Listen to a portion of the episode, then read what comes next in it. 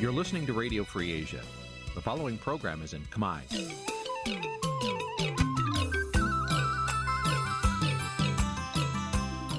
Nǐ chi càm bi tiệp xáy vệt chiu a zì sê ray នេះជាកម្មវិធីផ្សាយរបស់ Vithu Azisari ជាភាសាខ្មែរ វត្តឈូអាស៊ីសេរីសូមស្វាគមន៍លោកអ្នកនាងទាំងអស់ពីរដ្ឋធានី Washington នៃសហរដ្ឋអាមេរិក បាទពីរដ្ឋធានី Washington សហរដ្ឋអាមេរិកខ្ញុំបាទមេរិតសូមជម្រាបសួរលោកអ្នកនាងកញ្ញាប្រិយមិត្តអ្នកស្ដាប់ Visual C ស្រីទាំងអស់ជាទីមេត្រីយើងខ្ញុំសូមជូនកម្មវិធីផ្សាយសម្រាប់ព្រឹកថ្ងៃច័ន្ទ1កើតខែបុស្សឆ្នាំឆ្លូវត្រីស័កពុរសករាជ2565ដែលត្រូវនៅថ្ងៃទី3ខែមករាគ្រិស្តសករាជ2022បាទជាដំបូងនេះសូមអញ្ជើញលោកនាងស្ដាប់ព័ត៌មានប្រចាំថ្ងៃដែលមានមេត្តាដូចតទៅ អ្នកជំនាញប្រមានថារដ្ឋសមាជិកអាស៊ានមួយចំនួនអាចនឹងធ្វើពហិការកិច្ចប្រជុំកំពូលអាស៊ាន ដឹកនាំដោយកម្ពុជាកញ្ញាសេងធារីជួលលោកជួងជងីឲ្យការពីក្តីនឹងបន្តកំដរឆាកលខោននយោបាយមេដឹកនាំគណៈបណ្ឌនយោបាយមួយចំនួន ថាសាររបស់លោកហ៊ុនសែនប្រកាសដឹកនាំប្រទេសតដល់កូនចៅប៉ះពាល់ដល់គោលការណ៍ប្រជាធិបតេយ្យ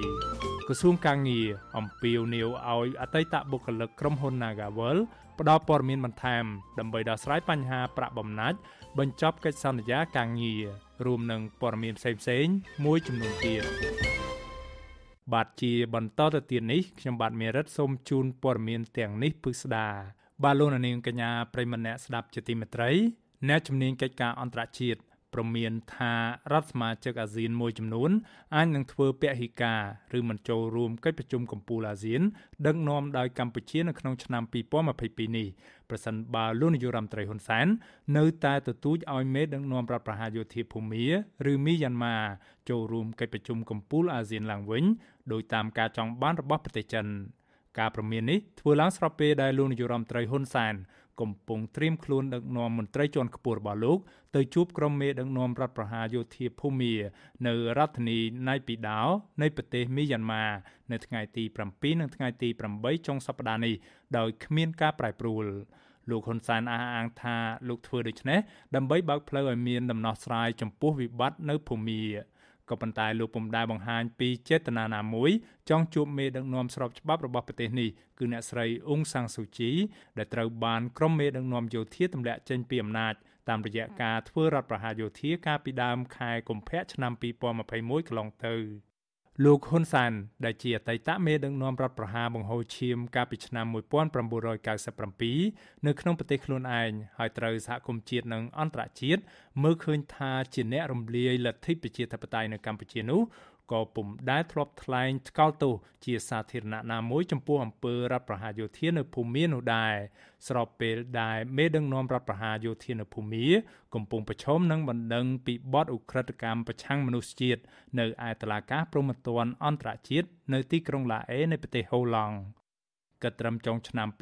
2021យ៉ាងហោចណាស់មានពលរដ្ឋភូមាជាង1300នាក់ត្រូវបានសម្លាប់នៅក្នុងនោះមានកុមារជាង75នាក់និងមនុស្សប្រមាណជាង10000នាក់ត្រូវបានចាប់ខ្លួនដោយសារតែការបង្ក្រាបដ៏ហិង្សាទៅលើក្រុមអ្នកតវ៉ាប្រឆាំងនឹងការដឹកនាំខុសច្បាប់របស់របបសឹកយោធានៅភូមាអ្នកជំនាញកិច្ចការអន្តរជាតិ និងជាព្រឹទ្ធបរិរងនៃសាកលវិទ្យាល័យរដ្ឋ Arizona ឬ Arizona State University ពន្យល់ប្រាប់ Visual C សេរីតាមសារអេឡិចត្រូនិកកាលពីពេលថ្មីៗនេះថាក្នុងនាមជាប្រធានបដូវវេនរបស់អាស៊ានប្រទេសកម្ពុជាកំពុងតែដឹកនាំសមាគមនេះតាមលំនាំខុសដោយធ្វើឲ្យសមាគមនេះបែកបាក់គ្នានិងខ្មាស់គេ លោកប្រមានថាប៉ះសិនបើអាស៊ានមិនអាចទប់ទល់នឹងមេដឹកនាំរដ្ឋប្រហារយោធាភូមិបានទេនោះក្រុមមេដឹកនាំនៃរដ្ឋសមាជិកអាស៊ានមួយចំនួនអាចនឹងជ្រើសរើសមិនចូលរួមកិច្ចប្រជុំកំពូលអាស៊ាន ដឹកនាំដោយកម្ពុជាលោកបញ្យល់ថាប្រទេសកម្ពុជាពុំមានកិត្តិស័ព្ទឬភាពគួរឲ្យជឿទុកចិត្តបានតាក់ទងទៅនឹងដំណោះស្រាយតាមបែបលទ្ធិប្រជាធិបតេយ្យនោះទេ ហើយលោកហ៊ុនសែនក៏ចង់អោបកសោបក្រុមនាយឧត្តមសេនីយ៍ភូមិទាំងនោះដោយសារតែពួកគេមានចរិតផ្ដាច់ការដូចគ្នាកន្លងទៅរដ្ឋសមាជិកអាស៊ានមួយចំនួន មានដូចជាប្រទេសឥណ្ឌូនេស៊ីម៉ាឡេស៊ីហ្វីលីពីន និងសិង្ហបុរី តែងតែធ្វើយុទ្ធនាការយ៉ាងខ្លាំងក្លាប្រឆាំងនឹងវត្តមានមេដឹកនាំយោធាភូមាមិនឲ្យចូលរួមនៅក្នុងកិច្ចប្រជុំកំពូលអាស៊ានបាន ប្រទេសទាំងនេះនៅរក្សាភាពស្ងៀមស្ងាត់នៅឡើយជុំវិញចេតនាចុងក្រោយរបស់កម្ពុជានៅពេលនេះគិតត្រឹមយប់ថ្ងៃទី2ខែមករាវិសុវស៊ីស្រីមិនអាចតាក់ទងណែនាំពីក្រសួងការបរទេសកម្ពុជា លោកកុយគួងដើម្បីសូមប្រតិកម្មថាតើកម្ពុជាព្រួយបារម្ភដែរឬទេប្រសិនបើរដ្ឋសមាជិកអាស៊ានមួយចំនួន សម្រាប់ធ្វើពហិការកិច្ចប្រជុំកំពូលអាស៊ាន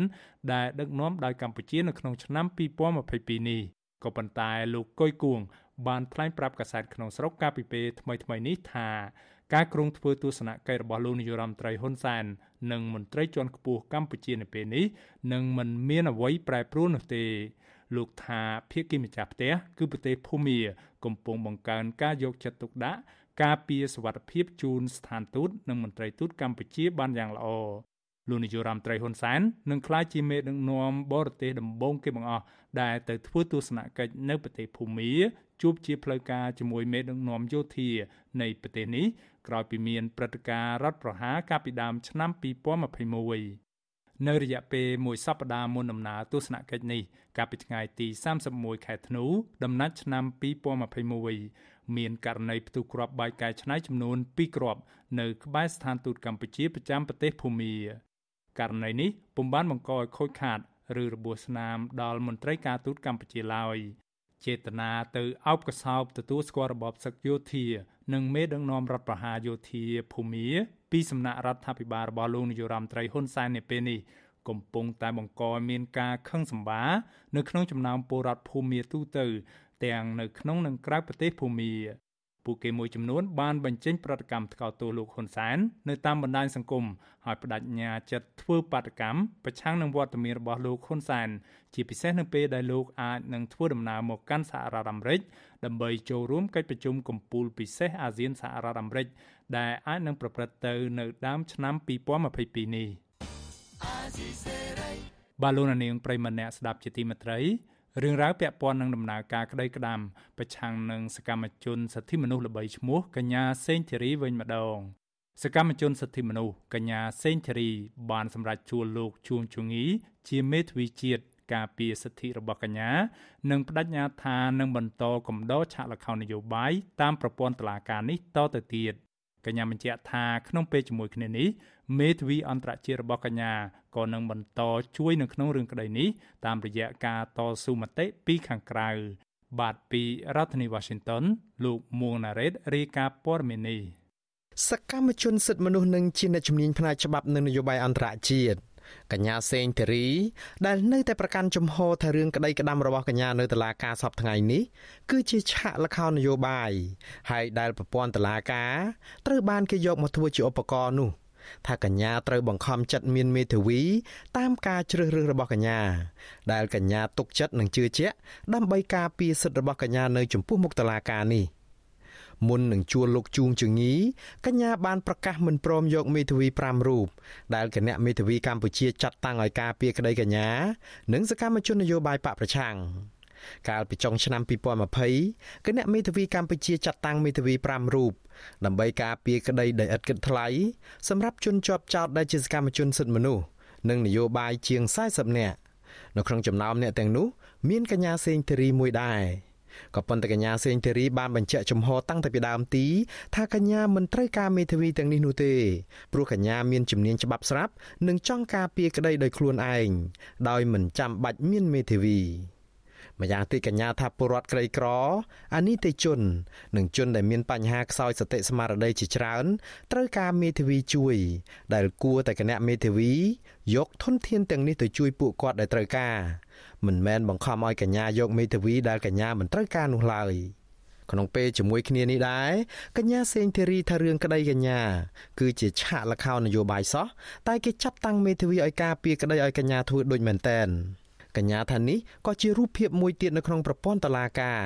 ដែលហាក់ដូចជាចង់បង្ហាញថាតឡាការដំណើរការទៅតាមនីតិវិធីត្រឹមត្រូវដើម្បីបំភាន់មតិសាធារណៈទោះជាយ៉ាងនេះក្តីកញ្ញាថាដំណាក់កាលនេះ ជាពេលវេលាសមស្របមួយដើម្បីមានលោកជួងជងីជាមេធាវីតាមការជ្រើសរើសរបស់កញ្ញាឲ្យជួយតតាំងផ្នែកអង្គច្បាប់ស្របពេលដែលកញ្ញាបន្តកំដរលខោននយោបាយនេះផ្នែកអង្គហេតុពេលវេលាឥឡូវខ្ញុំក៏រីករាយដែរដែលមានគាត់ជាមី TV ចូលទាំងអស់គ្នាបានយល់ដឹងហើយតាមសម្ដែងរបស់ខ្ញុំថារឿងនេះមិនមែនរឿងច្បាប់នៅតែរឿងលខោននយោបាយប៉ុន្តែឥឡូវចូលសាច់រឿងមួយទៀតដែលអាចបើកឱកាសឲ្យយើងបញ្យល់ សាធារណជនទូទៅរបៀបដែលយើងអះអាងផ្នែកច្បាប់បានចឹងគាត់ជាមី TV ចាក់ស្ដែងគាត់មិនមែនសម្ដែងទេប៉ុន្តែគាត់គាត់នឹងធ្វើកិច្ចការរបស់គាត់ផ្នែកច្បាប់ហើយខ្ញុំនៅតែសម្ដែងពីព្រោះខ្ញុំអត់មានកំហុសអីខ្ញុំត្រូវការសម្ដែងនៅក្នុងការចាប់ប្រកាន់ឆ្លើយតបអីហ្នឹងអន្តាមគេជំរុញឲ្យខ្ញុំចូលរួមទៅពីព្រោះនេះជាឱកាសនៅក្នុងការផ្ដល់មេរៀនទៅសាធារណជនដែរមេរៀនដែលត្រូវផ្ដល់ដល់សាធារណជននោះ កញ្ញាសេងធីរីថាគឺការបំភ្លឺឲ្យឃើញកាន់តែច្បាស់ថាតឡាការនេះរំលោភសិទ្ធិសេរីភាពប្រជាពលរដ្ឋនៅក្នុងការបញ្ចេញមតិនិងសិទ្ធិនយោបាយដែលធានាដោយរដ្ឋធម្មនុញ្ញកម្ពុជានិងច្បាប់អន្តរជាតិដែលកម្ពុជាព្រមចុះហត្ថលេខាអនុវត្តតាមកញ្ញាថាការអនុវត្តសិទ្ធិសេរីភាពរបស់ប្រជាពលរដ្ឋដោយអហិង្សាស្របតាមរដ្ឋធម្មនុញ្ញនិងច្បាប់អន្តរជាតិមិនមែនជាបទអក្រិតនោះទេ កញ្ញាថាការបំពាននីតិវិធីត្រឹមត្រូវនិងសិទ្ធិសេរីភាពរបស់ប្រជាពលរដ្ឋបែបនេះនឹងធ្វើឲ្យនីតិវិធីតុលាការនេះចាត់ទុកជាមោឃៈនិងទម្លាក់ចោលរាល់ការចោទប្រកាន់មកលើកញ្ញាស្របពេលដែលលោកមេធាវីជួងជងីនឹងការពារសិទ្ធិរបស់កញ្ញាផ្នែកច្បាប់ នៅកម្រិតជាតិនៅឯកម្រិតអន្តរជាតិឯណោះវិញកញ្ញាមានមេធាវីអន្តរជាតិមួយរូបគឺលោក Jared Genser ដែលកញ្ញាអះអាងថាជួយនៅក្នុងរឿងក្តីកញ្ញាលើឆាកអន្តរជាតិ ជាពិសេសពាក់ព័ន្ធនឹងនយោបាយព្រោះរឿងនេះគឺជារឿងនយោបាយ។ពួកគាត់ក៏មានយុទ្ធសាស្ត្រដែរផ្នែកនយោបាយពីព្រោះក្រុមហ៊ុនច្បាប់ Perseus Strategies របស់លោក Angel Genzer នឹងគាត់ក៏យល់អំពីចលនាអឺរបស់លទ្ធិប្រជាធិបតេយ្យបានចឹងគាត់បានជួយរៀបចំឯកសាររបស់ខ្ញុំអាសេចក្តីថ្លែងការណ៍របស់ខ្ញុំនឹង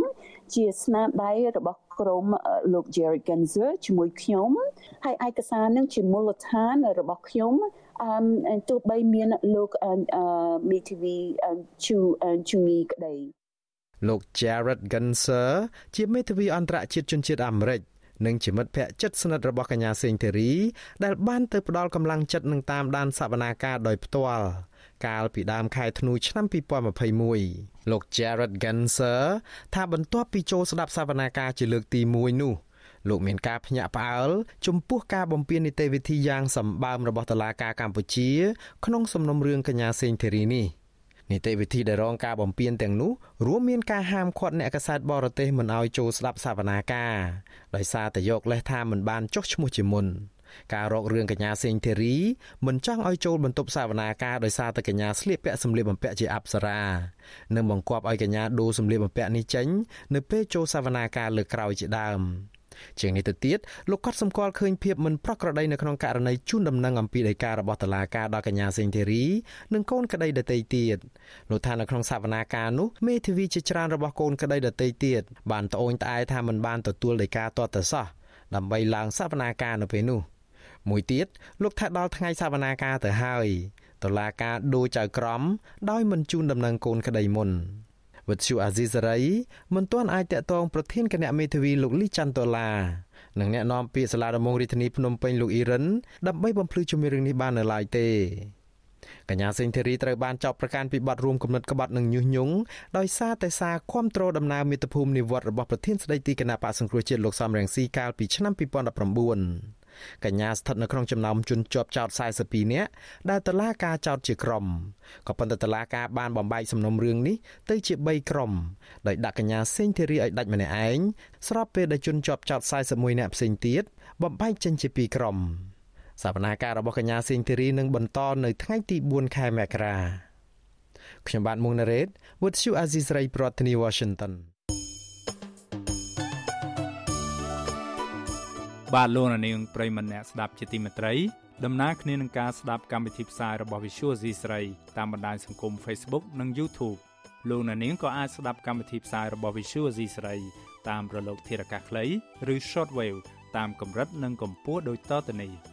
ពេលព្រឹកចាប់ពីម៉ោង5កន្លះដល់ម៉ោង6កន្លះតាមរយៈរលកធារកាសខ្លី9390 kHz ស្មើនឹងកម្ពស់ 32m និង11850 kHz ស្មើនឹងកម្ពស់ 25m ពេលយប់ចាប់ពីម៉ោង7កន្លះដល់ម៉ោង8កន្លះតាមរយៈរលកធារកាសខ្លី9390 kHz ស្មើនឹងកម្ពស់ 32m និង15155 kHz ស្មើនឹងកម្ពស់ 20m បាទសូមអរគុណ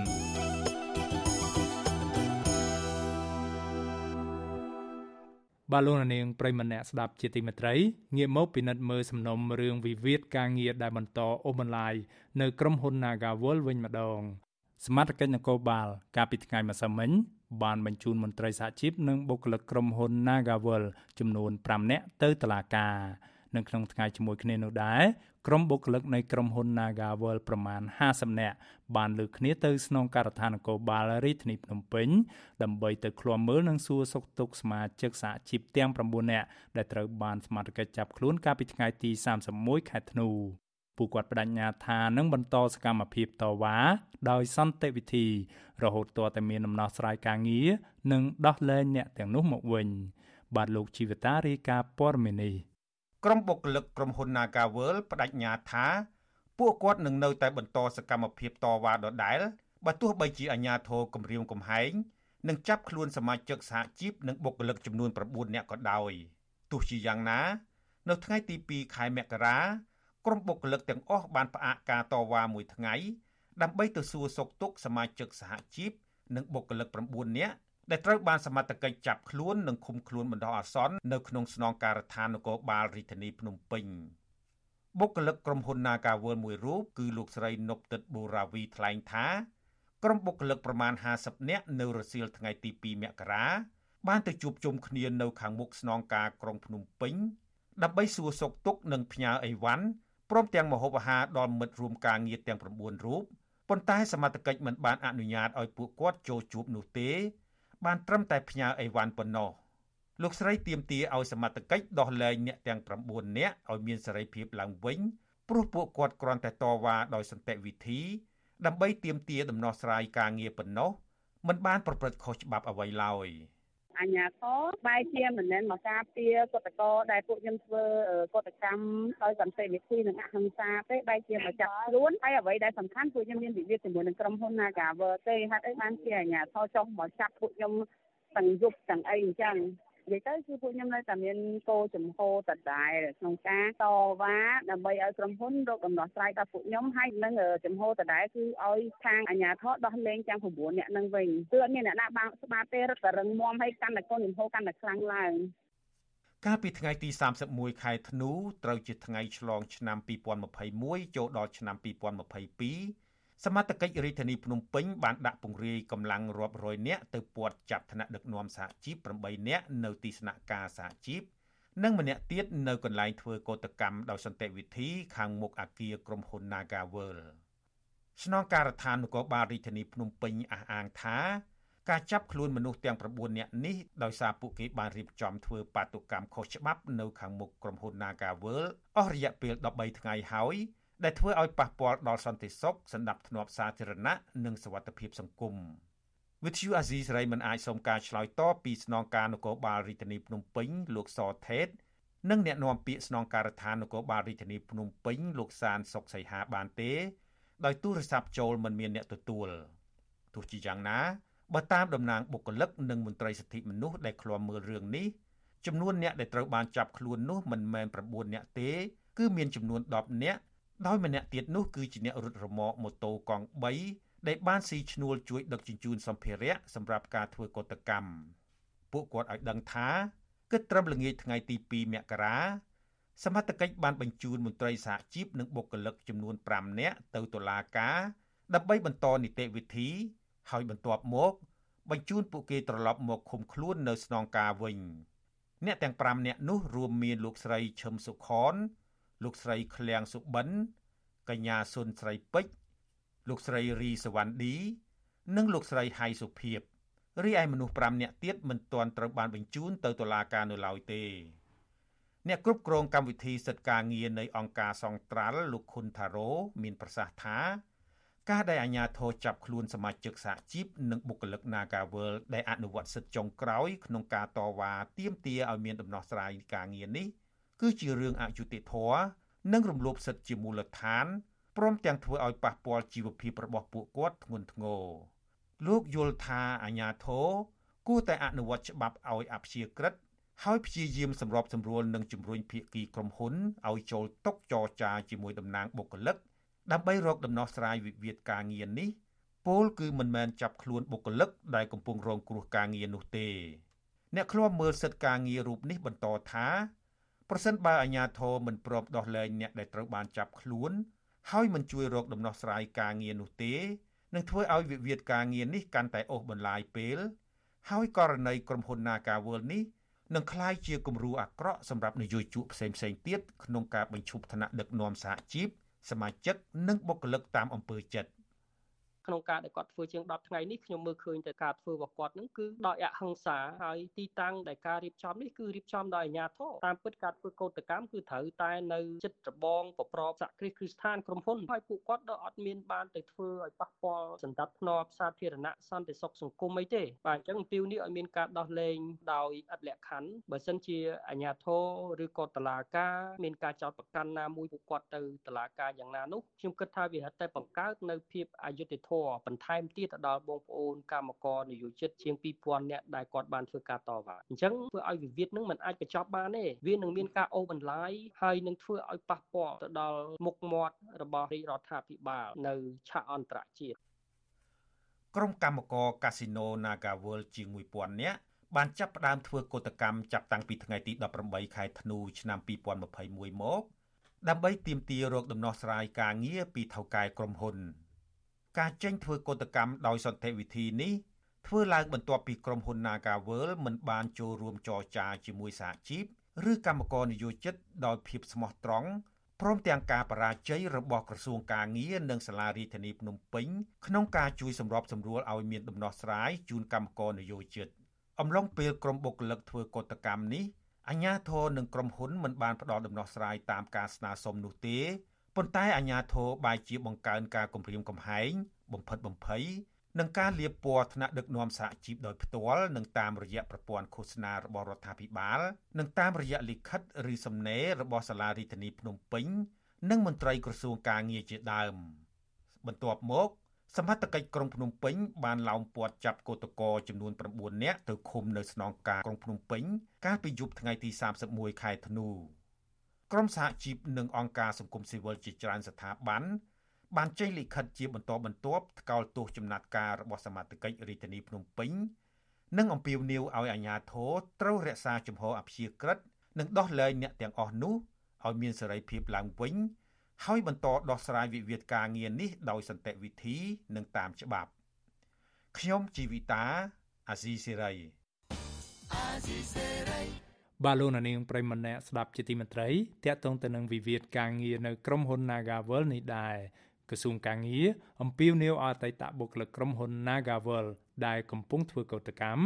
ឲ្យចូលទៅក្រសួងការងារដើម្បីដោះស្រាយចំពោះការតវ៉ារបស់កោតក្ររឿងទូទាត់ប្រាក់បំណាច់បញ្ចប់កិច្ចសន្យាការងារដែលក្រុមហ៊ុនធ្វើមិនត្រឹមត្រូវតាមច្បាប់ ចាប់ពីថ្ងៃទី3ខែមករានេះតទៅ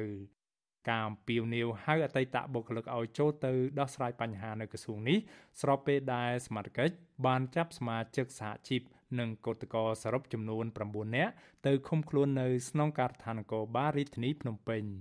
សេចក្តីជូនដំណឹងរបស់ក្រសួងការងារនិងបណ្ដុំបណ្ដាលវិជ្ជាជីវៈផ្សាយកាលពីថ្ងៃអាទិត្យទី2ខែមករាម្សិលមិញបញ្ជាក់ថា ក្រសួងនឹងផ្ទៀងផ្ទាត់ឡើងវិញនៅប្រាក់អត្ថប្រយោជន៍ដែលបុគ្គលិកធ្លាប់ទទួលបានរូបមន្តកណនីនិងមូលដ្ឋាននៃការកណនីក្រសួងកាងារបន្ថែមថាប៉ះសិនបើរកឃើញថាមានភាពលំអៀងមែននោះនោះក្រសួងនឹងបង្គាប់ឲ្យក្រុមហ៊ុនទូទាត់សំណងបន្ថែម ដល់អតីតបុគ្គលិកដែលត្រូវបានក្រុមហ៊ុនបញ្ឈប់ទាំងនោះវិញទន្ទឹមនឹងការអំពាវនាវឲ្យអតីតបុគ្គលិកចូលទៅក្រសួងកាងារដើម្បីផ្ដល់ព័ត៌មានបន្ថែមនេះ ក្រសួងក៏បានក្រានរំលឹកដល់ក្រុមកោតក្រអំពីបញ្ហាផ្លូវច្បាប់ និងអំពីការសម្រេចរបស់អាជ្ញាធរដែលចាត់ទុកថាការធ្វើកោតកម្មរបស់កម្មករនយោជិតទាំងនោះគឺជាកោតកម្មខុសច្បាប់និងចាត់ទុកថាជាកំហុសដ៏ធ្ងន់ធ្ងរវិសុវស៊ីស្រីនឹងមិនអាចតាក់ទងសុំការឆ្លើយតបពីក្រុមកម្មករនយោជិត និងសហជីពទៅនឹងការអំពាវនាវនិងការលើកឡើងរបស់ក្រសួងការងារនេះបាននៅឡើយទេគិតត្រឹមម៉ោងផ្សាយនេះ បាឡូណានាងប្រិមម្នាក់ស្ដាប់ជាទីមេត្រីព័ត៌មានតកតងនឹងរឿងរ៉ាវនយោបាយវិញម្ដងក្រុមអ្នកឃ្លាំមើលយល់ថាគណៈបកភ្លើងទៀនហាក់បង្ហាញភាពលេចធ្លោនៅក្នុងការតាក់ទាញអ្នកគាំទ្រនៅតាមមូលដ្ឋាន តាមរយៈការធ្វើសកម្មភាពនិងការលើកស្លាកគណៈបកយ៉ាងផុសផុលនៅតាមភូមិឃុំមួយចំនួនមេដឹកនាំគណៈបកភ្លើងទៀនបដិញ្ញាខិតខំសកម្មភាពបន្ថែមទៀតដើម្បីសម្ដៅទៅរកការបោះឆ្នោតនាពេលខាងមុខ បាទពីរដ្ឋធានី Washington លោកសនចាន់រដ្ឋារាយការណ៍ព័ត៌មាននេះបន្ទាប់ពីបានលើកស្លាកនៅថ្នាក់ខេត្តនិងស្រុករួចមកគណៈបកភ្លើងទៀនហាក់បង្កើនសកម្មភាពសម្បំណាស់ដើម្បីលើកស្លាកគណៈបកនៅតាមឃុំនិងភូមិអ្នកសិក្សាផ្នែកច្បាប់យុវជនពុតកលការយល់ថាការបង្កើនសកម្មភាពនេះនឹងធ្វើឲ្យគណៈបកភ្លើងទៀនអូសទាញសមាជិកមូលដ្ឋាននិងអ្នកគាំទ្រអតីតគណៈបកប្រឆាំងឲ្យចូលរួមជាមួយខ្លួនកាន់តែច្រើនលោកមានជំនឿថាក្រោយពីប្រមូលគ្នាគ្នារួចឡើងវិញ គណៈបកនេះអាចចូលរួមការបោះឆ្នោតក្រុមប្រឹក្សាឃុំសង្កាត់ឆ្នាំ2022ដើម្បីធ្វើតេស្តសមត្ថភាពរបស់ខ្លួនយុវជនរូបនេះយល់ថាវត្តមានគណៈបកភ្លើងទៀនមិនទាន់អាចធ្វើឲ្យស្ថានភាពនយោបាយនៅកម្ពុជាមានភាពល្អប្រសើរឡើងវិញដោយសារវិបត្តិជាធំធំមួយចំនួនមិនទាន់ត្រូវបានដោះស្រាយដូចជាករណីមេបកប្រឆាំងលោកកឹមសុខាមិនទាន់មានសេរីភាពពេញទីជាដើមតែទោះបីជាយ៉ាងណាលោកយល់ថាវត្តមានគណៈបកភ្លើងទៀនអាចជួយឲ្យសកម្មជននយោបាយមានសិទ្ធិធ្វើនយោបាយឡើងវិញ។ ប្រជាពលរដ្ឋមួយចំនួនគាត់នៅតែជឿជាក់លើគណៈបកពលរដ្ឋអតីតគណៈបកប្រជាជាតិត្រូវបានតម្រៀបដូច្នេះការចងចាំនៅសញ្ញានៅប្រវត្តិសាស្ត្ររបស់គណៈបកគឺជាអ្វីដែលប្រជាពលរដ្ឋគាត់បានសម្រេចចិត្តក្នុងការបន្តគ្រប់គ្រងទៅលើគណៈបកប្រជានេះចាប់តាំងពីធ្វើសម័យកាលពីចុងខែវិច្ឆិកាឆ្នាំ2021មកគណៈបកភ្លើងទៀនបានធ្វើសកម្មភាពយ៉ាងផុសផុលទាំងការជួបជុំសមាជិកអ្នកគាំទ្រផ្ទាល់នៅតាមបណ្ដាញសង្គម Facebook តំណាងគណៈបកភ្លើងទីនៅតាមបណ្ដាខេត្តនានាដែលជាអតីតអ្នកជាប់ឃុំផ្នែកនយោបាយនៃគណៈបកសង្គ្រោះជាតិបានធ្វើសកម្មភាពលើកស្លាកគៀកោនិងប្រមូលអ្នកគាំទ្រគណៈបកតាមស្រុកឃុំនិងភូមិជាបន្តបន្ទាប់ខេត្តដែលកំពុងធ្វើសកម្មភាពលើកស្លាកនៅតាមភូមិឃុំ មានដូចជាខេត្តកំពង់ធំខេត្តសៀមរាបកណ្ដាលតាកែវត្បូងឃ្មុំ និងខេត្តកំពង់ចាមជាដើមប្រធានស្ដីទីគណៈបកភ្លើងទីលោកថៃសិដ្ឋាបញ្ជាក់ថាគណៈបកកំពុងខិតខំប្រមូលធនធានមនុស្សពីគ្រប់ទិសទី ដើម្បីរៀបចំរចនាសម្ព័ន្ធបកឲ្យបានគ្រប់ឃុំសង្កាត់ទាំងអស់ដើម្បីត្រៀមចូលរួមប្រគល់ប្រជែងការបោះឆ្នោតឆ្នាំ2022និងឆ្នាំ2023លោកក៏ដឹងថាគិតត្រឹមដើមឆ្នាំ2022នេះលោកបានដឹកនាំសមាជិកលើកស្លាកគណៈបកបានជាង13ខេត្តហើយហើយកំពុងបន្តសកម្មភាពលើកស្លាកក្រុម25រាជធានីខេត្ត អញ្ចឹងយើងសង្ឃឹមថាប្រសិនបើមានការចូលរួមការបោះឆ្នោតក៏យើងនឹងមានក្រុមប្រឹក្សាយើងគ្រប់គ្រាន់ហើយមិនបានចូលក៏យើងមានរចនាសម្ព័ន្ធយ៉ាងនៅក្នុងគុំសង្កាត់នឹងបាទគ្រប់គុំសង្កាត់នៅទូទាំងប្រទេសដែរជុំវិញការវិវត្តនិងសកម្មភាពផុសផុលរបស់គណៈបកភ្លើងទៀននេះវិទ្យុអេស៊ីសរ៉េមិនទាន់អាចសុំការបញ្ជាក់ពីអ្នកនាំពាក្យគណៈបកប្រជាជនកម្ពុជាលោកសុកអេសានបាននៅឡើយទេនៅថ្ងៃទី2ខែមករាតែទោះបីជាយ៉ាងណាលោកធ្លាប់បញ្ជាក់ថាគណៈបកភ្លើងទៀន មានសិទ្ធិធ្វើសកម្មភាពស្របច្បាប់ទាំងឡាយដូចជាគណៈបកផ្សេងទៀតដែលបានចុះបញ្ជីត្រឹមត្រូវនៅក្រសួងមហាផ្ទៃ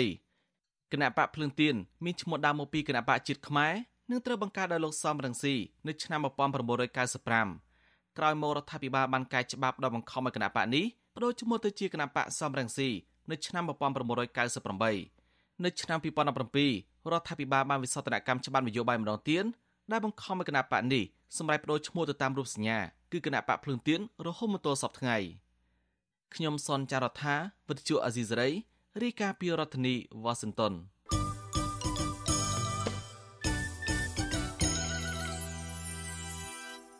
បាឡូណានាងប្រិមម្នាក់ស្ដាប់ជាទីមេត្រី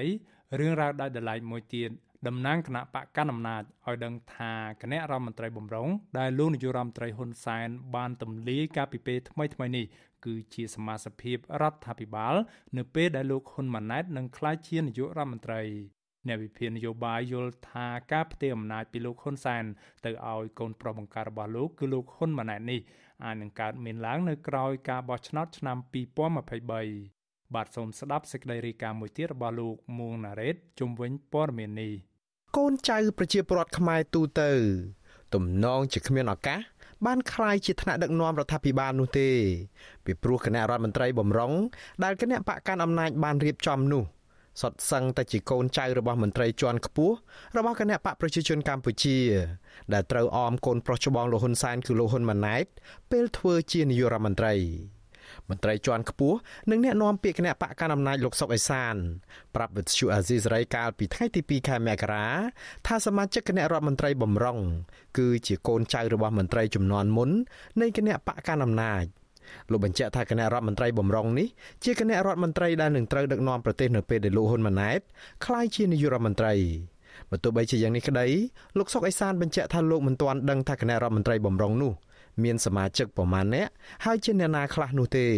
ព្រោះនេះជាសេចក្តីសម្រេចរបស់ថ្នាក់ដឹកនាំកម្ពុជារបស់បកសមាជិកភាពគណៈរដ្ឋមន្ត្រីថ្មីដែលជាយុវជនចំនួនក្រោយបន្តវេនពីអ្នកចាស់មកគឺនឹងបង្ហាញនៅពេលដែលកោជបបានប្រកាសលទ្ធផលបោះឆ្នោតបាទយើងមិនដឹងថាឆ្នាំ2023ឬ2028ទេលោកនាយរដ្ឋមន្ត្រីហ៊ុនសែនបានទម្លាយព័ត៌មានស្ដីពីការបង្កើតគណៈរដ្ឋមន្ត្រីបំរុងនេះ កាលពីថ្ងៃទី9ខែធ្នូឆ្នាំ2021ដោយអះអាងថាថ្នាក់ដឹកនាំគណៈបកប្រជាជនកម្ពុជា បានសម្រេចលើបញ្ជីឈ្មោះនេះរួចទៅហើយក៏ប៉ុន្តែលោកហ៊ុនសែនមិនបានបញ្ចេញឈ្មោះសមាជិកគណៈរដ្ឋមន្ត្រីបំរុងនេះនោះឡើយហើយលោកបញ្ជាក់ទៀតថាគណៈរដ្ឋមន្ត្រីបំរុងនេះក៏មិនមែនសម្រាប់ឆ្នាំ2023ដែរតែសម្រាប់ពេលអនាគតគណៈរដ្ឋមន្ត្រីថ្មីមួយត្រូវបានរៀបចំត្រៀមរួចហើយសម្រាប់ពួកក្មេងចំនួនក្រោយផ្ដាំទៅណែឯងទៅ ហើយពិនិត្យក្នុងគណៈរដ្ឋមន្ត្រីបណ្ឌិតចិត្តពាក់កណ្ដាលក្រៅពីនោះអនុបណ្ឌិតហើយសាកល្បងមើលទៅជាមួយនឹងធនធានមនុស្សរបស់គណៈបកប្រជាជនហើយអាយុជាស្តង់ដារគឺថាក្រៅផុកពួកយើងដល់ពេលហ្នឹងពួកអាយុ70ហើយនឹងអាយុ80តាមទៅដើរចេញបើទោះបីជាបានទម្លាយអំពីគណៈរដ្ឋមន្ត្រីបំរុងនេះយ៉ាងណាក្តីក៏លោកហ៊ុនសែនបានចេញមុខធានាអះអាង ចំពោះទូនីតិរបស់មន្ត្រីក្រាក់ក្រាក់មួយចំនួនដែរជាឧទាហរណ៍លោកបានប្រកាសថាលោកអូនពាន់មនីរតនឹងបន្តកាន់តំណែងជាឧបនាយករដ្ឋមន្ត្រីនិងជារដ្ឋមន្ត្រីក្រសួងសេដ្ឋកិច្ចដដែលទោះជាលោកលែងធ្វើជានាយករដ្ឋមន្ត្រីក៏ដោយអ្នកជំនាញខាងវិទ្យាសាស្ត្រនយោបាយលោកអែមសវណ្ណារាយល់ថាសមាជិកភាពគណៈរដ្ឋមន្ត្រីបំរុងនេះប្រកាសជាធ្វើឲ្យសមាជិកមួយចំនួននៃគណៈបកកណ្ដាលអំណាចមានការអអន់ស្រពន់ចិត្តដោយសារតែពួកគេ ឬកូនចៅរបស់ពួកគេមិនមានឈ្មោះនៅក្នុងនោះក៏ប៉ុន្តែលោកថាករណីនេះនឹងមិនខ្លាំងក្លារហូតធ្វើឲ្យមន្ត្រីបកកណ្ដាលអំណាចបែកបាក់គ្នានោះឡើយពីព្រោះពួកគេសុទ្ធតែមានផលប្រយោជន៍ទ្រព្យសម្បត្តិនិងលៀបសការៈច្រើនរួចទៅហើយមិនហ៊ានជំទាស់ឬក៏មិនហ៊ានប្រឆាំងអីរហូតដល់មានការប្រេះស្រាំបែកបាក់អីខ្លាំងខ្លាទេអានេះទស្សនៈខ្ញុំពីព្រោះម្នាក់ម្នាក់សុទ្ធតែមានផលប្រយោជន៍មាន លៀបការមានទ្រព្យសម្បត្តិច្រើនខ្លាចការពារទៅទ្រព្យសម្បត្តិលៀបការរបស់ខ្លួនឯងឲ្យទៅបានលោកអែមសវណ្ណារា មានប្រសាសន៍បន្តទៀតថាការបង្កើតគណៈរដ្ឋមន្ត្រីបំរុងដោយយកចេញពីសាច់ញាតិនិងកូនចៅរបស់ខ្លួនបែបនេះធ្វើឲ្យសហគមន៍ជាតិនិងអន្តរជាតិមើលឃើញច្បាស់ថាគណៈបកប្រជាជនកម្ពុជាឲ្យតម្លៃទៅលើការសម្រេចរបស់បកធំជាងសម្លេងគាំទ្ររបស់ប្រជាពលរដ្ឋ កាលណាអំណាចឡើងដោយខ្វះការគ្រប់គ្រងពេញលេញពីមហាជនពីពលរដ្ឋខ្ញុំគិតថាវាអត់មមតំឬក៏អត់សមត្ថភាពពេញលេញទេប្រសិនបើមានលំហសេរីភាពពេញលេញដូចលោកខាងលិចខ្ញុំគិតថាជាពលរដ្ឋខ្លះហាក់ដូចជាចង់មានជំរឿនថ្មីឯណាចង់ផ្លាស់ប្ដូរដែរពីព្រោះយន្តការឬការដឹកនាំរបស់គណៈបកកណ្ដាលអំណាចមិនទាន់ឆ្លើយតបទៅលើតម្រូវការពលរដ្ឋបានពេញលេញទេបាទ លោកនាយករដ្ឋមន្ត្រីហ៊ុនសែនទើបបានរៀបចំឲ្យកូនប្រុសច្បងរបស់លោកគឺលោកហ៊ុនម៉ាណែតក្លាយជាបេក្ខជននាយករដ្ឋមន្ត្រីបន្តវេនពីលោកនៅក្នុងសន្និបាតបកកាលពីចុងឆ្នាំ2021យោងតាមក្រុមអ្នកសង្កេតការលោកហ៊ុនសែនអាចរៀបចំបែបនេះទៅបាន បន្ទាប់ពីលោកបានបន្សាបអធិបុលគណៈបកប្រឆាំងនិងគៀបសង្កត់ខ្លាំងលើសិទ្ធិសេរីភាពប្រជាពលរដ្ឋជាពិសេសគឺការបង្ក្រាបសម្លេងប្រឆាំងនៅក្នុងផ្ទៃក្នុងបកខ្លួនឯង។ លោកហ៊ុនសែនបានអះអាងថាការជ្រើសតាំងលោកហ៊ុនម៉ាណែតជាបេក្ខជននាយករដ្ឋមន្ត្រីនេះគឺជាការរៀបចំសម្រាប់ពេលអនាគតស្របពេលដែលបច្ចុប្បន្នលោកនៅតែជាបេក្ខជននាយករដ្ឋមន្ត្រីរបស់គណៈបកប្រជាជនកម្ពុជាដដែលបើទោះបីជាយ៉ាងណាលោកហ៊ុនសែនធ្លាប់បាននិយាយបែបឧបមាម្ដងជាពីរដងរួចទៅហើយថាអាចនឹងមាននាយករដ្ឋមន្ត្រីថ្មីមកជំនួសមុនឆ្នាំ2025ខ្ញុំសូមបញ្ជាក់ពេលនេះខ្ញុំជានាយករដ្ឋមន្ត្រី ក្រោយឆ្នាំ2023ខ្ញុំទៅជាឪនាយករដ្ឋមន្ត្រី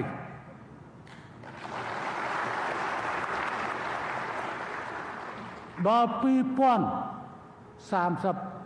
2040ខ្ញុំនឹងคล้ายទៅជាជីតានាយករដ្ឋមន្ត្រីចាំមើលមើល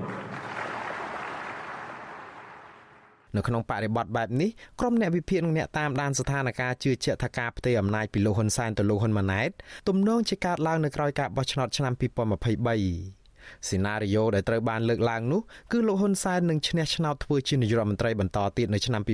2023ហើយលោកនឹងដឹកនាំប្រទេសមួយរយៈរួចរៀបចំផ្ទេរអំណាចទៅឲ្យលោកហ៊ុនម៉ាណែតជាមួយនឹងគណៈរដ្ឋមន្ត្រីបំរុងទុកនោះឯង បើទោះបីជាយ៉ាងណា ផែនការផ្ទេរអំណាចពីឪពុកទៅឲ្យកូន ដែលសុទ្ធតែជាមេដឹកនាំយោធានេះកំពុងតែរងការរិះគន់ពីគណៈបកប្រឆាំងប្រជាពលរដ្ឋនិងក្រុមសង្គមស៊ីវិលពីព្រោះវាផ្ទុយពីគោលការណ៍ប្រជាធិបតេយ្យនិងអាចរុញច្រានប្រទេសកម្ពុជាឲ្យក្លាយទៅជារបបយោធាផ្ដាច់ការតវងត្រកូលខ្ញុំបាទមុងណារ៉េត With you Azizi Saray ប្រធានាទី Washington បាទលោកនាងប្រិមម្នាក់ស្ដាប់ជាទីមេត្រីតកតងនឹងរឿងរ៉ាវផ្ទេរអំណាចតវងតកូលនេះដែរ គណៈបណ្ឌនយោបាយមួយចំនួនយល់ថាសាររបស់លោកនាយរដ្ឋមន្ត្រីហ៊ុនសែនប្រកាសដឹកនាំប្រទេសរហូតតកូនចៅនឹងអាចធ្វើប៉ះពាល់ដល់គោលការណ៍លទ្ធិប្រជាធិបតេយ្យនិងគោលការណ៍នៃការប្រកួតប្រជែងស្មារភាពគ្នាតាមរយៈការបោះឆ្នោតដោយសេរីត្រឹមត្រូវនិងយុត្តិធម៌ដែលអាចទទួលយកបានពីគ្រប់និន្នាការនយោបាយក៏ប៉ុន្តែមន្ត្រីបកកណ្ដាលអំណាចយល់ថាសារមេដឹកនាំរបស់ខ្លួនដើម្បីរៀបចំយុវជនបន្តវេនតទៅទៀតនេះ គឺជារឿងត្រឹមត្រូវគណៈបញ្ញយោបាយមួយចំនួន ថាខ្លងមកលោកហ៊ុនសែនចាត់ទុកប្រទេសកម្ពុជាជាកម្មសិទ្ធិផ្ដាច់មុខរបស់បកពួកឬក្រុមគ្រួសាររបស់លោកពួកគាត់ថាច្បាប់កម្ពុជាប្រកាន់នៅរបបលទ្ធិប្រជាធិបតេយ្យសេរីពហុបកហើយមេដឹកនាំប្រទេសគឺកើតចេញពីការបោះឆ្នោតតាមរយៈប្រជាពលរដ្ឋដោយមិនអាចផ្ទេរអំណាចទៅឲ្យកូនចៅ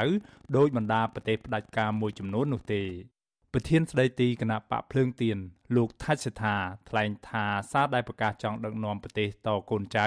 គឺចង់បង្ហាញអធិបុលដល់កូនចៅក៏ប៉ុន្តែវាជាសិទ្ធិនិងជាការសម្រេចចិត្តរបស់មេដឹកនាំគណៈបកនយោបាយ លោកបញ្ជាក់ថាលោកមិនបារម្ភអំពីការប្រកួតប្រជែងជាមួយបេក្ខជនថ្មី មកពីគណៈបកកណ្ដាលអំណាចនោះទេ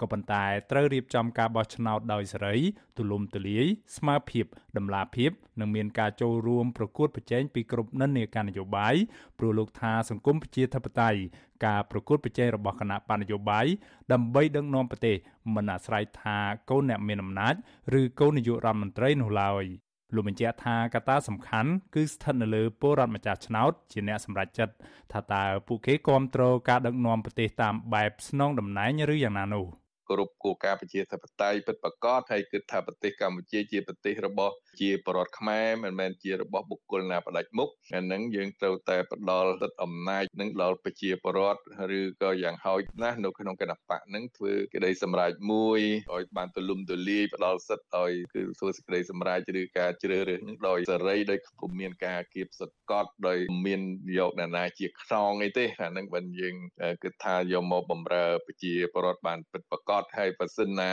ធ្វើតែក្រុមខ្លួនឯងអានឹងត្រូវតែបំរើតែក្រុមខ្លួនឯងអំណាចខ្លួនឯងបន្តបែបនឹងដោយមិនខ្វល់ពីផលប្រយោជន៍ជាតិផលប្រយោជន៍ប្រជាពលរដ្ឋដែរ ស្រដៀងគ្នានេះដែរប្រធានគណៈបកផ្នែកឈ្នះលោកសួងសុភ័ណ្ឌថ្លែងថាលោកយល់ថាក្នុងនាមជានាយករដ្ឋមន្ត្រី ដែលដឹកនាំប្រទេសយូរឆ្នាំនិងក្តោបក្តាប់កម្លាំងយោធាពេញដៃមិនគួរលើកឡើងនៅលទ្ធផលគ្រោងទុកនោះទេដោយសារកន្លងមកបើលោកហ៊ុនសែនចង់បានបែបណានោះលទ្ធផលចុងក្រោយនឹងចេញបែបនោះហើយ លោកសួងសុភ័ណ្ឌយល់ថាករណីនេះអាចរំលោភបំពានច្បាប់និងអាចប៉ះពាល់ដល់ដំណើរការបោះឆ្នោតនិងការប្រកួតប្រជែងរបស់គណៈបញ្ញយោបាយខណៈគណៈកម្មាធិការជាតិរៀបចំការបោះឆ្នោតហៅកាត់ថាកោចបោនៅមិនទាន់មានឯករាជ្យនៅឡើយ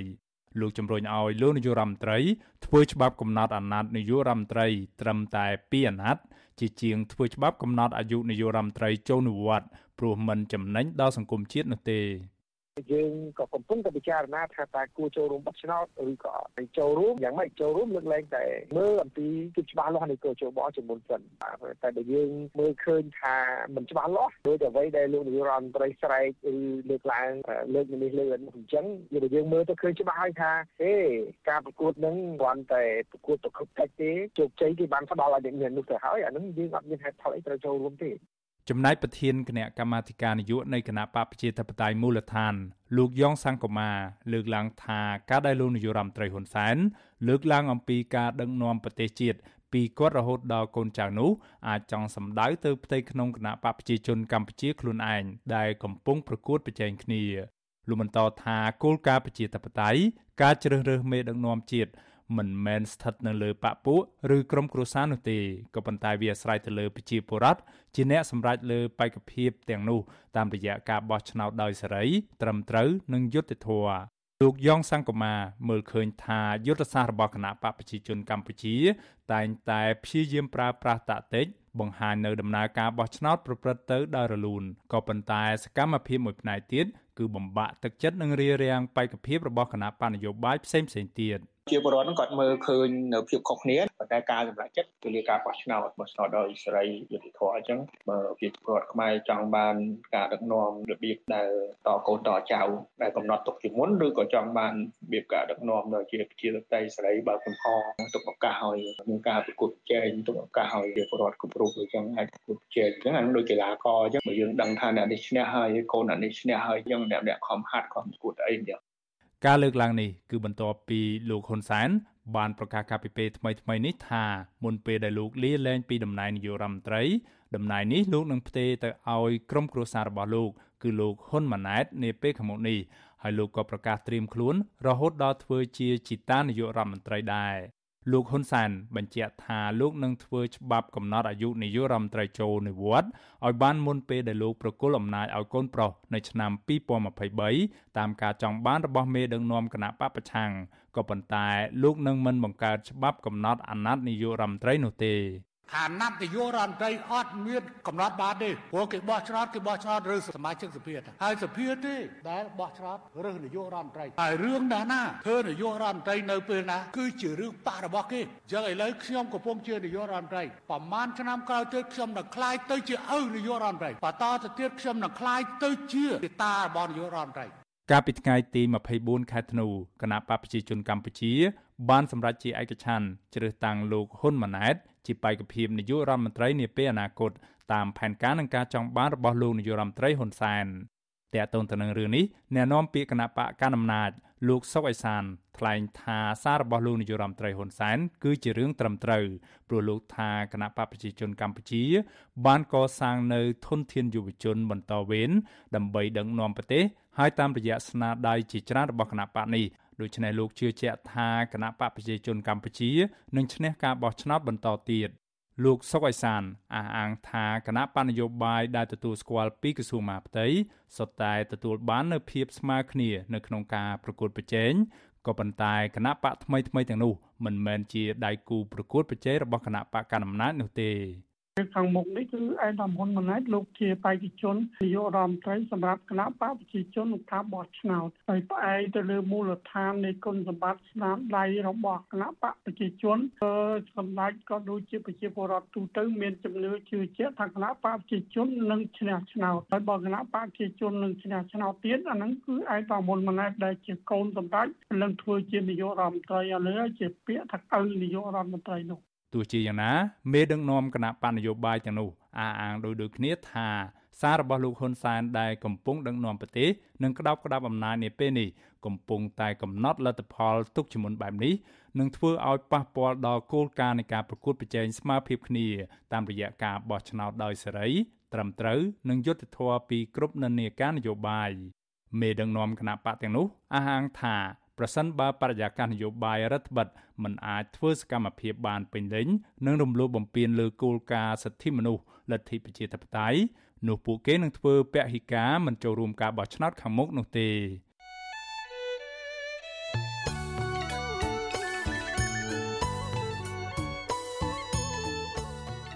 បាទលោកនាងកញ្ញាប្រិមម្នាក់ស្ដាប់ជាទីមេត្រី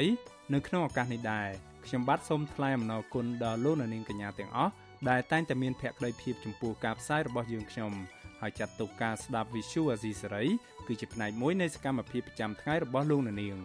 ការគ្រប់គ្រងរបស់លោកអ្នកនាងនេះហើយដែលធ្វើឲ្យយើងខ្ញុំមានទឹកចិត្តកាន់តែខ្លាំងថែមទៀតនៅក្នុងការស្វែងរកនិងផ្តល់ព័ត៌មានពិតជូនលោកអ្នកនាងមានអ្នកស្ដាប់និងអ្នកទស្សនាកាន់តែច្រើនកាន់តែធ្វើឲ្យយើងខ្ញុំមានភាពស្វាហាប់និងមោះមុតជាបន្តទៅទៀតបាទយើងខ្ញុំសូមអរគុណទុកជាមុនហើយសូមអញ្ជើញលោកអ្នកនាងកញ្ញា ចូលរួមជំរុញឲ្យសកម្មភាពផ្តល់ព័ត៌មានពិតរបស់យើងខ្ញុំនេះកាន់តែជោគជ័យបន្ថែមទៀតលោកនាងអាចជួយយើងខ្ញុំបានដោយគ្រាន់តែចុចចែករំលែកឬ Share ការផ្សាយរបស់យើងខ្ញុំនៅលើបណ្ដាញសង្គម Facebook និង YouTube ទៅកាន់មិត្តភ័ក្តិដើម្បីឲ្យការផ្សាយរបស់យើងបានទៅដល់មនុស្សកាន់តែច្រើន បាទសូមអរគុណ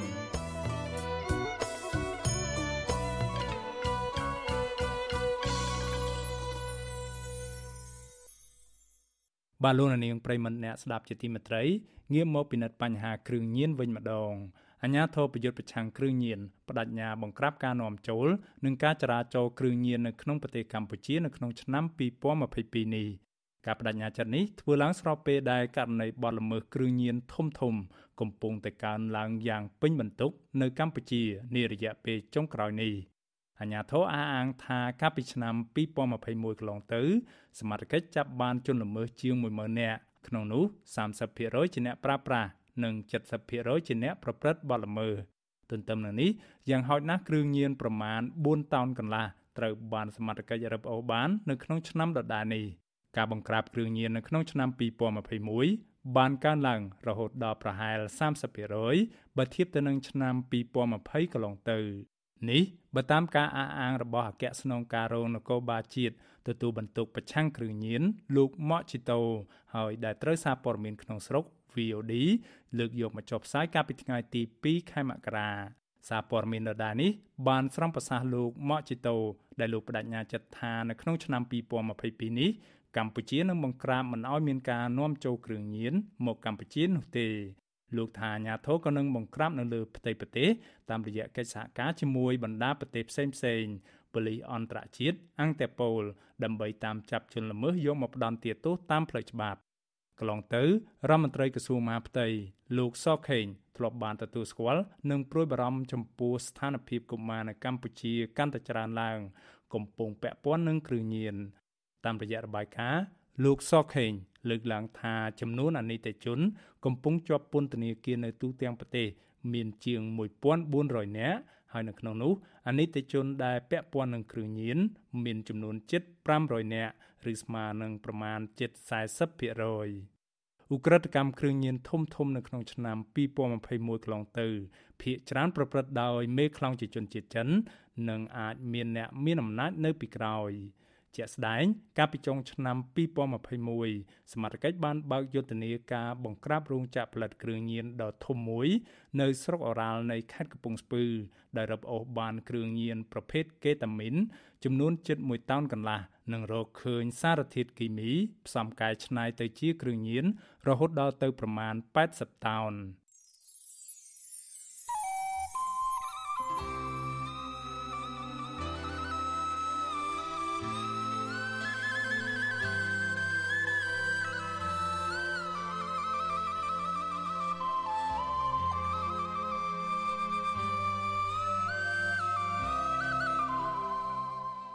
បាទលោកនាងប្រិមម្នាក់ស្ដាប់ជាទីមេត្រី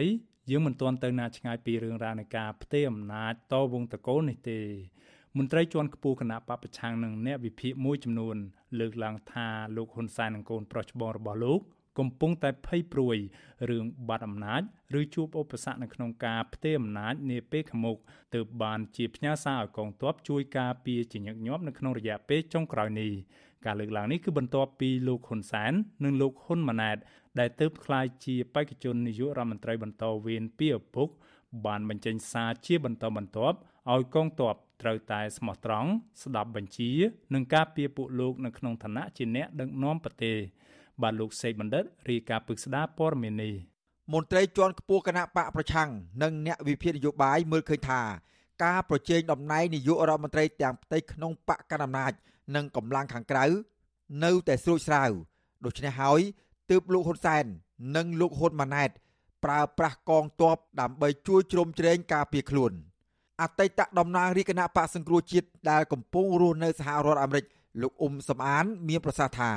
លោកហ៊ុនសែននិងកូនប្រុសកំពុងបំពេញច្បាប់ម្ដងហើយម្ដងទៀតតាមការប្រើប្រាស់កងទ័ពជាតិដើម្បីការពារផលប្រយោជន៍និងគ្រួសារខ្លួនឯង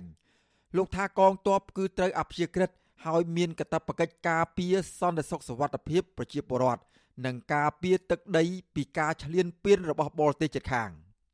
លោកសង្កេតឃើញថាក្នុងទូនាទីជាមេបញ្ជាការកងទ័ពជើងគោកលោកហ៊ុនម៉ាណែតមិនបានប្រើប្រាស់កងទ័ពដើម្បីការពារជាតិនិងប្រជាពលរដ្ឋតាមច្បាប់នោះទេឧទាហរណ៍លោកហ៊ុនម៉ាណែតរក្សាភាពស្ងៀមស្ងាត់រឿងកងទ័ពវៀតណាមបោះតង់តាមព្រំដែនបណ្ដោយឲ្យមន្ត្រីយោធាមួយចំនួន រំលោភយកដីរបស់ប្រជាពលរដ្ឋនិងអំពើពុករលួយបកពួកនិយមក្នុងជួរកងទ័ពជាដើម លោកហ៊ុនសែនក៏ដូចលោកហ៊ុនម៉ាណែតឲ្យកងទ័ពដើម្បីការពារថ្នាក់ដឹកនាំហ្នឹងគឺដើម្បីការពារអំណាចតកូលហ៊ុននោះទេព្រោះហេតុអីគាត់ភ័យខ្លាចនៅពេលដែលលោកហ៊ុនម៉ាណែតឡើងទៅជានាយករដ្ឋមន្ត្រីហ្នឹងមុនមិនទាន់បានឡើងទៅជានាយករដ្ឋមន្ត្រីអាចមានការរើបំរាស់ផ្ទៃក្នុងក្នុងចំណោមមន្ត្រីចាស់ចាស់ដែរលោកសខេងអីចឹងគាត់ជាអ្នកតស៊ូពីយូរមកហើយហើយបែរជាលោកហ៊ុនសែនគាត់ចង់ជប់ហើយបែរមិនឲ្យគាត់ដឹកនាំបន្តពីគាត់ទៅទៅវិញឲ្យកូនគាត់ស្នងតំណែងពីគាត់ទៅវិញដូច្នេះគេអត់សប្បាយចិត្តទេគេអាចនឹងរើបំរាស់នៅពេលណាមួយដូច្នេះលោកហ៊ុនសែនក៏ចង់ទុកកុំឲ្យមានការរើបំរាស់ផ្ទៃក្នុងទី1ទី2លោកហ៊ុនម៉ាណែតក៏ដោយលោកហ៊ុនសែនក៏ព្រួយបារម្ភជាបរិបទគេអត់សប្បាយចិត្តទេគេនឹងក្រោកឈរឡើងដើម្បីឲ្យមានការផ្លាស់ប្ដូរមេដឹកនាំប្រជាការវងតកូលមន្ត្រីជាន់ខ្ពស់គណៈបកប្រឆាំងរូបនេះបន្តថាទោះបីជាលោកហ៊ុនម៉ាណែតคล้ายជាពេកភាពនាយករដ្ឋមន្ត្រីរបស់បកកណ្ដាលអំណាចក្តីក៏លោកជឿថារឿងនេះមិនទាន់មានការស្រោះស្រួលគ្នាផ្ទៃក្នុងជាផ្លូវការនោះទេលោកយល់ថា អិសរាជជននយោបាយចាស់ចាស់របស់បកប្រជាជនកម្ពុជាមួយចំនួន នៅតែមិនពេញចិត្តចំពោះពេកភាពលោកហ៊ុនម៉ាណែតម្លោះហើយទើបឪពុកកូនទាំងពីរផ្ញើសារដល់កងទ័ពដើម្បីត្រៀមទប់ទល់ចលនាឬបំរាស់ណាមួយ ដែលពួកគេចោទថា ជាក្រុមបដិវត្តពណ៌ បោះឆ្នោតនោះបោះឆ្នោតលើកដៃណាមិនមានបោះឆ្នោតសម្ងាត់ហ្នឹងហើយបេក្ខជនមិនហ៊ានដាក់2 3នាក់ដើម្បីប្រគួតប្រជែងជាមួយលោកហ៊ុនម៉ាណែតហ្នឹងដាក់តែម្នាក់ឯងណាបើគេចង់បោះឆ្នោតឲ្យអ្នកផ្សេងក៏គេមិនដឹងបោះយ៉ាងម៉េចដែរបើដាក់បេក្ខជនមួយហើយបោះលើកដៃទៀតមានណាដែលហ៊ានប្រឆាំងទៅនឹងការបោះឆ្នោតតាមរយៈការលើកដៃហ្នឹងបើប្រឆាំងទៅប្រកាសជា គេកត់សម្គាល់ធ្វើបាបហ្នឹងគេបដិចេញពីបាក់អញ្ចឹងហើយបើសិនជាលោកហ៊ុនម៉ាណែតនិងលោកហ៊ុនសែនហ្នឹងក្លាហានដាក់បេក្ខជនឲ្យច្រើនទៅក្នុងចំណោមបេក្ខជនចេញពីគណៈបព្វជិជនហ្នឹងហើយទី2បោះឆ្នោតសម្ងាត់ទៅបើយើងដឹងថាលទ្ធផលហ្នឹងវាយ៉ាងម៉េចក៏ប៉ុន្តែគាត់អត់ហ៊ានធ្វើអញ្ចឹងទេព្រោះគាត់ថាបើបោះឆ្នោតអញ្ចឹងប្រកាសជាចាញ់ហើយលោកហ៊ុនម៉ាណែតគាត់ប្រកាសជាមិនបានជាប់ជាបេក្ខជននាយករដ្ឋមន្ត្រីក្នុងគណៈចំណោមគណៈបព្វជិជនហើយលោកហ៊ុនសែនក៏បានគម្រាមមុនហ្នឹងដែរថាអាចនឹងមានសង្គ្រាមអញ្ចឹងទៅទន្ទឹមគ្នានេះ អ្នកវិភាគចាស់ភាសាលោកបណ្ឌិតឡៅម៉ុងហៃថ្លែងថាលោកមានការងឿងឆ្ងល់ដែលលោកនាយករដ្ឋមន្ត្រីហ៊ុនសែនចាប់ផ្ដើមនិយាយរឿងបដិវត្តពណ៌និងផ្ញើសារឲ្យកងទ័ពត្រូវតែស្មោះស្ម័គ្រនឹងការពាររដ្ឋធម្មនុញ្ញឡើងវិញខណៈពាក្យទាំងនេះបានស្ងប់ស្ងាត់មួយរយៈពេលមកហើយលោកបន្តថាបើប្រៀបធៀបនឹងព្រឹត្តិការណ៍ពីមុនពីមុនមក បង្ហាញឲ្យឃើញថា លោកនាយករដ្ឋមន្ត្រីហ៊ុនសែនទំនងជានៅតែព្រួយបារម្ភអំពីរឿងការប្រជែងអំណាចខ្លាំងក្លាដដែល។ទើបលោកនិយាយរឿងបដិវត្តពណ៌និងផ្ញើសារដល់កងទ័ពជាញឹកញាប់ឡើងវិញ។ ហើយរឿងបដិវត្តពណ៌បអីនៅតាមខ្ញុំដឹងនឹងមិនមែនជាល្មើសច្បាប់ព្រហ្មទណ្ឌនោះទេក្នុងច្បាប់ព្រហ្មទណ្ឌតាមខ្ញុំដឹងវាអត់មានចែងថាបដិវត្តពណ៌ជាបទល្មើសព្រហ្មទណ្ឌទេហើយមួយទៀតរឿងកងទ័ពនេះទៀតបើតាមច្បាប់យើងនេះគឺត្រូវអព្យាក្រឹតទេបាទក៏ប៉ុន្តែនាយករដ្ឋមន្ត្រីគឺយ៉ាងឯងមានអំណាចប្រើប្រាស់កងទ័ពក៏ប៉ុន្តែកងទ័ពនឹងមានភារកិច្ចចែងនៅច្បាប់លក្ខន្តិកៈទូទៅចំពោះយោធិនហ្នឹងបាទការពារជាតិការពារសង្គមហើយគឺបើសិនជាចាំបាច់ជួយធ្វើអន្តរាគមន៍ដើម្បីថែរក្សាសន្តិសុខក្នុងប្រទេសជួយប្រជាពលរដ្ឋមិនអាចប្រើប្រាស់ដែលកងទ័ពទៅកំទេចអ្នកណាអ្នកណាទេកងទ័ពមិនត្រូវតែគោរពដែលសិទ្ធិសេរីភាពរបស់ប្រជាពលរដ្ឋដែរការលើកឡើងបែបនេះគឺបន្ទាប់ពីលោកនាយករដ្ឋមន្ត្រីហ៊ុនសែននិងកូនប្រុសរបស់លោកគឺលោកហ៊ុនម៉ាណែតដែលទើបនឹងក្លាយជាទាយាទស្នងតំណែងនោះបានផ្ញើសារបន្តបន្ទាប់គ្នាឲ្យកងទ័ពត្រូវតែស្មោះស្ម័គ្រនឹងការពីពួកលោកក្នុងឋានៈ ជាអ្នកដឹកនាំប្រទេសកាលពីថ្ងៃទី25ធ្នូលោកហ៊ុនម៉ាណែត បានផ្ញើសារថាកិច្ចការសំខាន់បំផុតរបស់កងទ័ពជើងគោកគឺត្រូវការពារសន្តិសុខសុវត្ថិភាព និងអាយុជីវិតរបស់ថ្នាក់ដឹកនាំប្រទេសក្រោយមកនៅថ្ងៃទី29ខែធ្នូលោកហ៊ុនសែនបានចេញមុខការពារសារកូនប្រុសរបស់លោកថា ជារឿងត្រឹមត្រូវ និងប្រតិកម្មធ្ងន់ធ្ងរចំពោះអ្នកដែលរិះគន់សាររបស់លោកហ៊ុនម៉ាណែតនេះ លោកហ៊ុនសែនបានលើកឡើងនៅចំពោះមុខក្រុមមន្ត្រីកងទ័ពនិងនគរបាលជាន់ខ្ពស់កម្ពុជាថាក្នុងនាមជានាយករដ្ឋមន្ត្រី លោកមានសិទ្ធិបញ្ជាកងទ័ពស្របតាមរដ្ឋធម្មនុញ្ញលោកបន្តថាសពថ្ងៃនេះបដិវត្តពណ៌នៅតែបន្តមានដូច្នេះលោកអំពាវនាវឲ្យយោធា និងកងកម្លាំងប្រដាប់អាវុធទាំងអស់ត្រូវត្រៀមខ្លួនកំទេចអ្នកធ្វើបដិវត្តពណ៌ឬអ្នកប៉ុនប៉ងផ្ដួលរំលំលោកពីអំណាច។ លោកថែមទាំងព្រមានថា ប្រសិនបើកងទ័ពឬមេនគរបាលណា មិនស្ដាប់បទបញ្ជាទេ លោកនឹងដកចោលមួយរំពេចអ្នកឯងមិនចង់ឲ្យខ្ញុំបញ្ជាតបដែលចង់ដកសិទ្ធិខ្ញុំហើយយ៉ាងម៉េចដែលនិយាយអំពីនយោបាយរដ្ឋមន្ត្រីពាក់ខោអាវទាហានបញ្ជាទាហានខ្ញុំធ្វើតាមក្របខ័ណ្ឌរដ្ឋធម្មនុញ្ញអ្នកណាក៏ដោយដែលប៉ះពាល់នឹងរដ្ឋធម្មនុញ្ញ កម្លាំងប្រអាវុធទៅកំទេចចោលឧទាហរណ៍រដ្ឋបហាចេញមិនថាមកពីតារាទេត្រូវធ្វើសកម្មភាពលៀបបំផ្លាញចោលអត់មានឲ្យអ្នកឯងមកបង្កើតបដិវត្តពណ៌នៅក្នុងនឹងឯងហើយមួយថ្ងៃក្រោយមកលោកហ៊ុនម៉ាណែតក៏បានផ្ញើសារឲ្យកងទ័ពទាំងអស់ត្រូវអនុវត្តតាមអនុសាសន៍របស់ឪពុករបស់លោកដែលថាការប៉ុនប៉ងផ្ដួលរំលំរដ្ឋាភិបាលនិងការប្រមាថព្រះមហាក្សត្រគឺមិនអាចលើកលែងបានឡើយតកតូននឹងករណីនេះ អ្នកនាំពាក្យគណៈបកប្រជាជនកម្ពុជា លោកសុកអេសាន ថ្លែងការពីថាសារអំពាវនាវរបស់លោកនាយករដ្ឋមន្ត្រីហ៊ុនសែន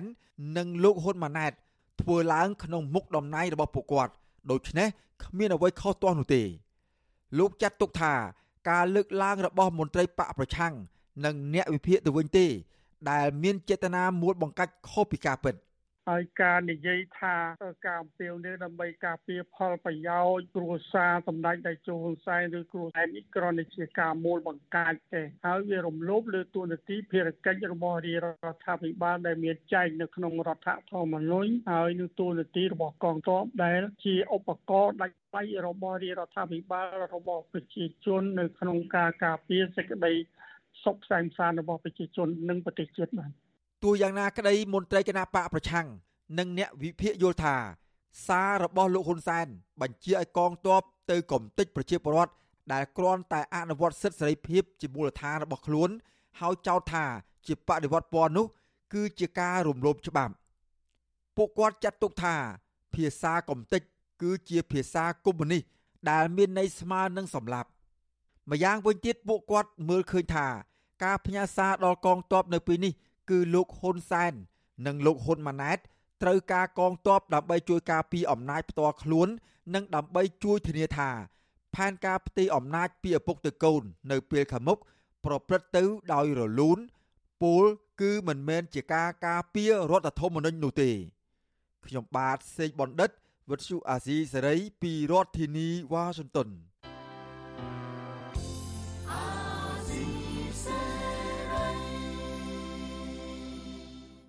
បាទលោកនាងកញ្ញាប្រិមម្នាក់ស្ដាប់ជាទីមេត្រីកម្មវិធីផ្សាយរយៈពេល1ម៉ោងនៃ Visual Asia ស្រីជាភាសាខ្មែរនៅពេលនេះចប់តែប៉ុណ្ណេះយើងខ្ញុំសូមជូនពរដល់លោកនាងកញ្ញាព្រមទាំងក្រុមគ្រួសារទាំងអស់ឲ្យជួបប្រកបតែនឹងសេចក្តីសុខចម្រើនរុងរឿងកំបីគ្លៀនគ្លាតឡើយ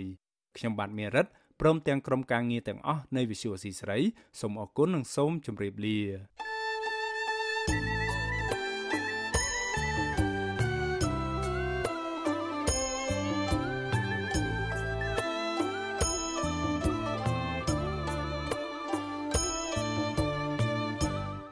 ទ្យុអាស៊ីសេរីផ្សាយតាមរលក ធាតុអាកាសខ្លីឬ short wave តាមកម្រិតនិងកម្ពស់ដូចតទៅនេះពេលព្រឹកចាប់ពីម៉ោង5កន្លះដល់ម៉ោង6កន្លះតាមរយៈរលកធាតុអាកាសខ្លី9390 kHz ស្មើនឹងកម្ពស់ 32m និង11850 kHz ស្មើនឹងកម្ពស់ 25m ពេលយប់ចាប់ពីម៉ោង7កន្លះដល់ម៉ោង8កន្លះតាមរយៈរលកធាតុអាកាសខ្លី 9390 kHz ស្មើនឹងកម្ពស់ 32m និង15155 kHz ស្មើនឹងកម្ពស់ 20m លោកអ្នកនាងក៏អាចស្ដាប់ការផ្សាយផ្ទាល់តាមប្រព័ន្ធអ៊ីនធឺណិតដោយចូលទៅកាន់គេហទំព័រ www.rfa.org/ ខ្មែរក្រៅពីនេះលោកអ្នកនាងក៏អាចអាននិងទស្សនាព័ត៌មានវិទ្យុអេស៊ីសេរីលើទូរស័ព្ទដៃរបស់លោកអ្នកផ្ទាល់ សូមលោកអ្នកនាងចូលទៅកាន់បណ្ដាញសង្គម Facebook ដែលមានអាសយដ្ឋាន www.facebook.com/rfa.cambodia និង YouTube www.youtube.com/rfa ខ្មែរ video សូមលោកអ្នកនាងចុច like និងចុច subscribe ដើម្បីទទួលបានព័ត៌មានថ្មីៗទាន់ហេតុការណ៍និងទស្សនាវីដេអូផ្សេងៗទៀតបានគ្រប់ពេលវេលា។